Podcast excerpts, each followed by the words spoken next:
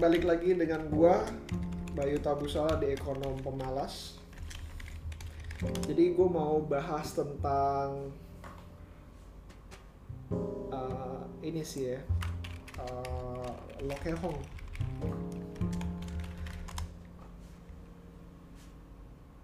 Uh, ini yang ini yang menarik sih ya. Satu yang menarik dari yang gue dapat dari bapak Loki Hong jadi gue gue pernah ketemu sama dia gue pernah ketemu gue pernah ngobrol juga gue nggak sempet nanya gue bukan nggak sempet sih emang gue malas banget untuk nanyain ah lu pengen sama apa sih? Karena nggak nggak berguna nggak berguna. Dan uh, eh, gue juga tetap ngomong tentang investasi gue tentang apa yang gue lakukan dengan uh, investasinya seperti apa.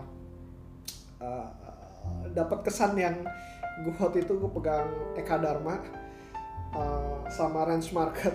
Uh, gue pegang Eka Dharma dengan range market. Range market dia dengan dengan dengan gamblangnya dia ngomong bahwa uh, retail gue nggak terlalu suka dengan retail dia bilang katanya. Gue nggak terlalu suka dengan retail uh, dan gue belum lihat juga range market seperti apa. Jadi ya, lebih baik dihindarin. Itu teksnya kayaknya jauh lebih mudah dibanding itu. Terus begitu Eka Dharma dia bilang bisnisnya gampang bisnisnya mudah. Cuman kayaknya pertumbuhannya nggak terlalu bagus. Jadi gue ngelihat dari sisi ini adalah uh, bapak LKH itu sebenarnya uh, punya deep knowledge yang mendalam tentang uh, bisnis-bisnis yang dia sebenarnya mau incer. Nggak nggak cuma sekedar ini. Jadi lebih banyak di kualitatif dibandingkan kuantitatifnya. Nah beberapa dari teman-teman gue termasuk gue sendiri itu lebih banyak ngomongin di kuantitatifnya dibanding di kualitatifnya sehingga uh, ya gue jujur aja sih gue kayak mencari golden rule mengenai uh, investasi apa yang bakalan menghasilkan 10 fold, 20 fold, 30 fold uh, dalam waktu yang cepat. Sedangkan investasi yang dia lakukan dengan pemahamannya dia, di mana pemahamannya dia, um, I'm sorry to say ya Pak Lokehong ada beberapa yang menurut gue gue nggak setuju gitu, gue nggak setuju. Uh, nggak bisa gue sebutkan di sini tapi uh, itu dia. Tapi itu yang itu yang dilakukan. Itu yang dilakukan oleh bapak Lokemong dan uh, dengan apa yang dia lakukan it works. It really works. So gue beberapa kali waktu itu zamannya uh, INKP di angka berapa ya? 14 uh, berapa? sepuluh ribu dua belas ribu gitu. Di mana dia beli INKP katanya. Konon katanya di angka 700 sampai seribuan lah gitu dan dia keep itu sampai angka 20 ribu dan akhirnya dilepas. Waktu itu uh, menarik sih ceritanya menarik. Dan gue gue pernah nanya kayak uh, dia sempat nanya lu lu pegang INKP nggak? Untuk saham pribadi gue bilang gue enggak karena bla bla bla bla bla bla bla. Cuman waktu itu dia bilang katanya saya bingung loh kenapa orang nggak ada yang mau pegang INKP loh? Pernya rendah loh pernya cuma satu atau dua gitu. Uh, dan dia perusahaan besar dia punya kayu dan segala macam dia ngomong ngomong benar-benar excited dengan apa yang dia pegang uh, dan dia, dia sepertinya mengerti dengan apa yang dipegangnya it works it works it works. Tapi uh, bagi teman-teman gue dan gue INKP itu it wasn't a value uh, wasn't a value story sih. Gitu uh, dari sisi hutangnya uh, tinggi gitu. Sisi hutangnya tinggi even kayak gue masukin ke ini gua masukin ke screening gua itu nggak masuk karena uh, eh, EV per CFO-nya terlalu tinggi untuk gua investasi di sana. Walaupun pernya rendah. Somehow uh, gua manage untuk uh, ikutan seminarnya dia yang diadakan oleh kampus gua. Uh, dan ada sebuah pertanyaan kayak matriks apa sih yang lu gunain untuk uh, melakukan valuasi? Gue punya bayangan karena matriksnya yang menurut gue uh, cukup simpel dan dipakai untuk umum gitu. Uh, gua rasa di investasi cuma menggunakan PBV ataupun PER. Either way, pilih salah satunya gitu. Nah, gue ngeliat cuma di situ doang. Kalau PER-nya rendah, PBV-nya di bawah satu ataupun di bawah 0,5, it's a bargain, it's good deal. Gue bilang ngerasa kayak, uh, oke, okay, sesimpel itu kah gitu. Sama ternyata dia jawab, ya gunakan saya cuma mempergunakan per dan PBV cuman lebih banyak waktu pas ketika dia ngomong itu lebih banyak di kualitatifnya. Bukan pada matriksnya tapi pada kualitatifnya. Perlu kalian ketahuin matrix yang gue ciptakan itu adalah EV per CFO ataupun EV per net income di mana gue bakalan dengan dengan matrix yang ada itu mengeliminasi uh, keribetan atau kesulitan ketika sebuah perusahaan itu mengalami debt debt yang cukup tinggi dan debtnya tersebut kemungkinan besar tidak sanggup dibayar dengan cash flow dalam jangka pendek gitu. Cash flow jangka pendeknya mereka. Uh, itu matrix yang gue yang yang gue pakai. Kelemahan dari matrix tersebut gue gue pahamin setelah gue menggunakan gue kurangnya gunain sekitar 4 tahun lah 4 tahun atau 3 tahun yang lalu kelemahan dari matrix tersebut adalah EV CFO ataupun EV per NI itu adalah perusahaan tersebut memang cukup baik mempunyai balance sheet yang cukup kuat uh, apa balance sheet yang cukup kuat terus udah gitu mengalami uh, cash flow yang cukup baik tapi PR-nya tinggi. Pernya nggak selalu rendah pernya tuh nggak selalu di bawah 5 gitu nggak jarang sekali dengan per di bawah 5 nah uh, Bapak LKH ini tidak menggunakan matriks yang serumit yang gue pakai. Uh, uh, dia hanya menggunakan per dengan VBV saja gitu maka dari itu ketika gue ngelihat apakah waktu dengan berita yang beredar mengatai tentang oh LKH masuk BMTR begitu gue coba screening menggunakan PI uh, dengan kriteria gue dan gue ngeliatin PI BMTR tuh masuk BMTR tuh masuk mengenai perusahaan dengan balance sheet yang cukup kuat. Uh, per yang cukup rendah tapi sayangnya di antara dengan EV CFO yang ada dengan matrix gue ada perusahaan yang jauh lebih baik dibanding BMTR yang balance sheetnya jauh lebih kuat dibanding BMTR kelemahan berikut dari BMTR itu adalah uh, industrinya saturated. Jadi gue ngelihat bahwa uh, uh, uh, profit marginnya itu nggak akan mungkin di maintain Lo Hong ini tebakan gue dia melihat dari cara yang berbeda. Uh, profit margin yang tertekan ini karena pandemi ketika perusahaan balik normal normal aja uh, dengan per yang sama dia udah cukup menanggung keuntungan. Maka dari itu gue ngelihat uh, ya kalau bisa gue kita baca beritanya dia beli dari angka 200 ya kayaknya whatever lah. Gue ngeliat kayak pernya per 2 per 3 dan ini same story ketika dia masuk ke uh, Indah Kiat di angka 700 uh, uh, in term of value gue nggak masuk akal tapi in term of PE emang cukup rendah sekali ya. Dua kayak lu masuk investasi ya dua tahun balik modal gitu.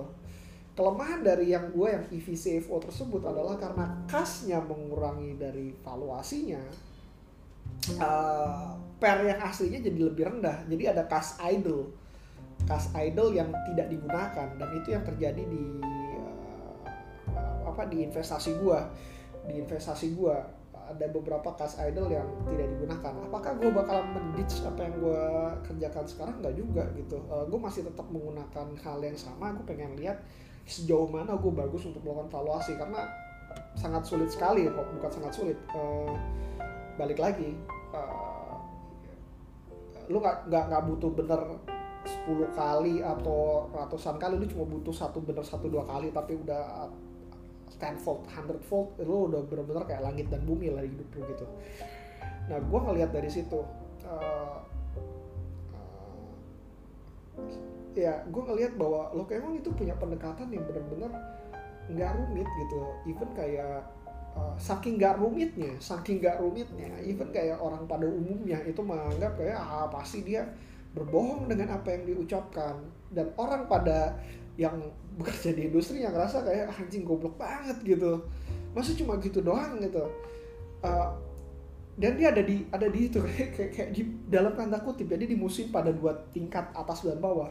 Gue ngerasa kayak uh, idenya simple tapi it works it works. Dia uh, sejak kejatuhannya dia tahun 98 berdasarkan cerita 22 tahun dia benar-benar menggunakan itu it works dan dia benar-benar menghasil lipat gandakan uangnya.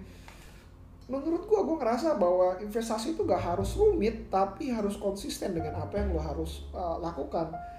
Uh, dia punya dia punya pengalaman cukup lama lah. Gue dengan pengalaman yang tujuh tahun lebih cepat dibanding dia gue merasa masih wow banget nih ngerasa kayak anjir nih orang emang bener-bener hebat lah dalam menerapkan uh, dia punya strategi. Dia nggak uh, nggak tiba-tiba masuk dalam kondisi gue ada duit gue harus masuk gitu. Sedangkan gue gue gue selalu berkata gue harus stay in the market dan gue ketika ada momen untuk keluar dari market gue harus keluar kenyataannya tidak semudah itu. Uh, buktinya waktu tahun 2020 Maret seharusnya gue keluar dari market apa yang gue lakukan? Gue stay the market. Padahal seharusnya gue dengan strategi gue gue harusnya keluar dari market. Ternyata nggak semudah gue yang inginkan tapi nggak sesulit uh, nggak apa maksudnya untuk mengerjakan itu tuh tidak semudah yang gue bayangkan. Tapi emang lu harus uh, stay dengan ini lo gitu. Uh, kemarin ini gue baru aja investasi lagi di satu saham uh, dan hasilnya mirip kayak trading karena uh, let's say kan cuma kayak untung 20% dalam waktu dua minggu atau tiga minggu gitu. Ya udah gue keluar gitu walaupun gue bilang ah ini masih murah. Enggak enggak gue keluar karena gue nggak mau lagi terjebak dengan kesalahan gue yang sebelumnya. Dan uh, dilalah ya untung gitu dan gue berhasil masuk ke perusahaan yang berikutnya ya untung juga gitu. Sama gue ngerasa kayak konsistensi terhadap apa yang lo kerjakan itu jauh lebih penting dibanding tentang uh, lu lu punya matrix apa segala macam. There is no such thing as golden rule menurut gue gitu. Uh, apa yang bapak Loki Hong kerjakan itu menurut gue uh, jauh lebih dalam dibanding apa yang cuma sekedar PI atau PBV dia benar-benar ngelihat perusahaannya dan segala macam. Uh, seperti contoh tadi Eka Dharma dengan Trans Market kalau misalnya dia nggak paham ya dia nggak investasi. Kalau emang nggak ada peluang dia nggak akan investasi. Pada akhirnya dia waktu itu sempat di NKP itu beli MTM kan. Uh, it wasn't a value story juga gitu. Even kayak MTN tersebut karena gue terlalu banyak tahu mungkin terlalu banyak tahu sehingga akhirnya takut untuk mengambil keputusan. Sedangkan dia dengan dengan dengan dengan itu ya uh, go for it gitu. Dengan dengan kemampuannya dia dengan dengan dengan apa yang dia lakukan gitu kayak go for it. Dan dia ngambil resiko tersebut dan untung gitu. Lalu cerita lagi tentang apalagi yang uh, masalah apa yang pernah terjadi di kerugiannya dia yang kayak yang kerugian paling besar atau apa yang menyebut dia sesak. Itu adalah ketika dia investasi di bumi resources di mana yang dia waktu itu gue nggak tahu sih uh, legendanya dia bilang dia investasi di 400 atau di 200 lah gitu. Terus turun ke 50 di 50 diambil banyak lalu lepas lagi di angka 400 atau 500 dan dia keluar waktu itu. Uh, uh, pengalamannya dia mengajarkan bahwa di situ juga gue ngerasa bahwa dia belajar dari pengalamannya dia bahwa ngomongin tentang GCG dan segala macam tuh jauh lebih mudah dibanding mempraktekkan bagaimana menggali GCG GCG dari suatu perusahaan gitu. Uh, dan kayak balik lagi dengan dengan dengan dengan dengan dengan kemampuan investasi yang baik ya. Maksud gue kayak gue ngeliat kayak dia ya, waktu itu gue ngerasa ya benar sih per bumi itu rendah banget gitu. Per bumi rendah banget ketika di 50 itu rendah banget sehingga uh, make sense untuk menambah jauh lebih banyak walaupun dengan uh, ada sisi lain yang patut dipertanyakan ya gitu. We don't name name gitu. Ya ya udah akhirnya dia keluar dengan dengan keadaan seperti itu. Gue waktu pas sempat ngobrol dan segala macam waktu itu gue masih ingat banget kasusnya Aisyah baru keluar. Dan waktu pas dia ngeliat kayak wah Aisyah ini sebenarnya gue pengen ngincar katanya. Cuman uh, makanya nggak masuk. Seandainya dia masuk gocap gue beli nih katanya.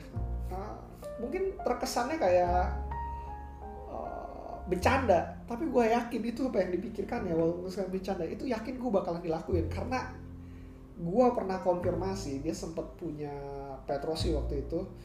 Uh, dia sempat kayak kayaknya gue mau jual deh uh, Petrosi di angka sekian gitu gue lupa waktu itu. Dan waktu itu gue sempat ngeliat bahwa ternyata dia sempat terjadi penjualan. Uh, kepemilikannya rumit lah untuk menjual dia sekaligus gitu ya. Dan akhirnya tidak jadi jual malah uh, menambah menambah menambah, menambah lagi gitu gue gue gue ngeliat dia gue ngeliat dia dari situ. I'm, I'm look after him bahwa ternyata apa yang diucapkan dikerjain juga gitu dikerjain juga. Dan gue ngerasa uh, itulah yang menyebabkan dia menjadi hebat seperti sekarang sih. Uh, terus uh, apa ya? Uh, dari dari sini gue gue belajar bahwa investasi itu nggak selalu rumit gitu nggak selalu rumit. Uh, misalnya ngeliat kayak contoh lah BMTR terus kenapa dia gajah tunggal? Ya udah PR eh, PBV di bawah 0,5 gitu PBV di bawah 0,5 manajemen ya oke lah gitu. Ya, kalau misalkan dia lepas ya dia bisa dapat untung lah gitu. Even ada study case nya punyanya si ini ya mengenai si Garbat punyanya gurunya Warren Buffett which is gue lupa sekarang dan gue ngeblank namanya. Gue ngeblank namanya uh, pengarang intelijen investor tolong cari sendiri. Mohon maaf gue ngeblank namanya. Ben Graham sorry Benjamin Graham.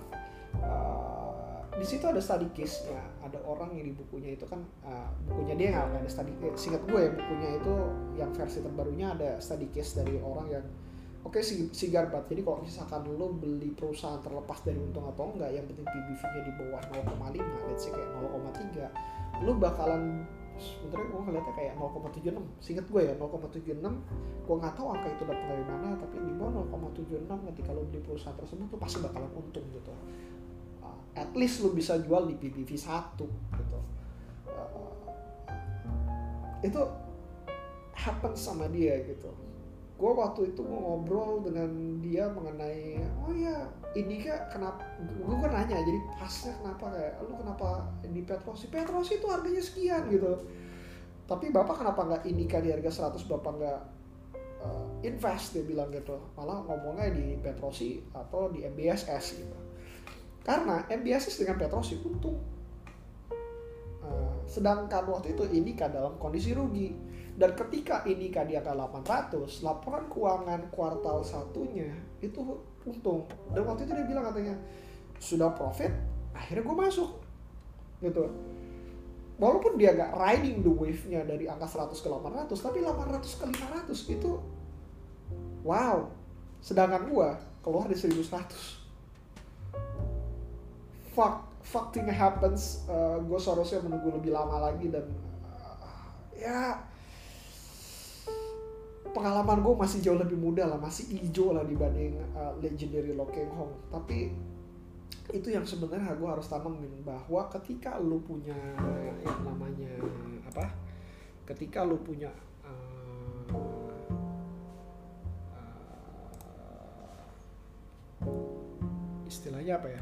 Lu punya strategi dan lu pengen menerapkan strategi lu, lu konsisten dengan penerapan strategi tersebut gitu. Nah, ini cukup rumit untuk dilakukan uh, ketika dilakukan karena uh, gue yakin banget nanti bakal ada perasaan ataupun sesuatu yang timbul dari dalam hati lu bahwa wah harusnya begi uh, apa ah, aku coba begini ah coba begitu ah, ah aduh gue gue takut segala macam. It's not an easy job ketika lu harus dihadapkan dengan keputusan tersebut. Uh, tapi it's an easy job uh, to do things in strategic way. Jadi kayak ya di, di atas kertas itu mudah gitu gue tahu kelemahan dari investasi gue dan gue berusaha untuk memper, memperbaiki kelemahan tersebut mengenai matrix yang gue gunakan dengan uh, apa yang gue harus lakukan. Uh, dan lu bakalan jadi kalian kalian semua bakalan uh, dengar pengalaman gue juga tentang mengenai investasi tentang apa yang bakalan uh, apa yang telah gue lakukan dan uh, let's say lah uh, ini ada satu transaksi mau beres uh, kalau misalnya transaksi itu beres nanti gue bakalan cerita mengenai kenapa gue ngambil transaksi tersebut dan uh, apa yang harusnya gue lakukan lebih baik gitu. Oke okay, see you again next time. Bye.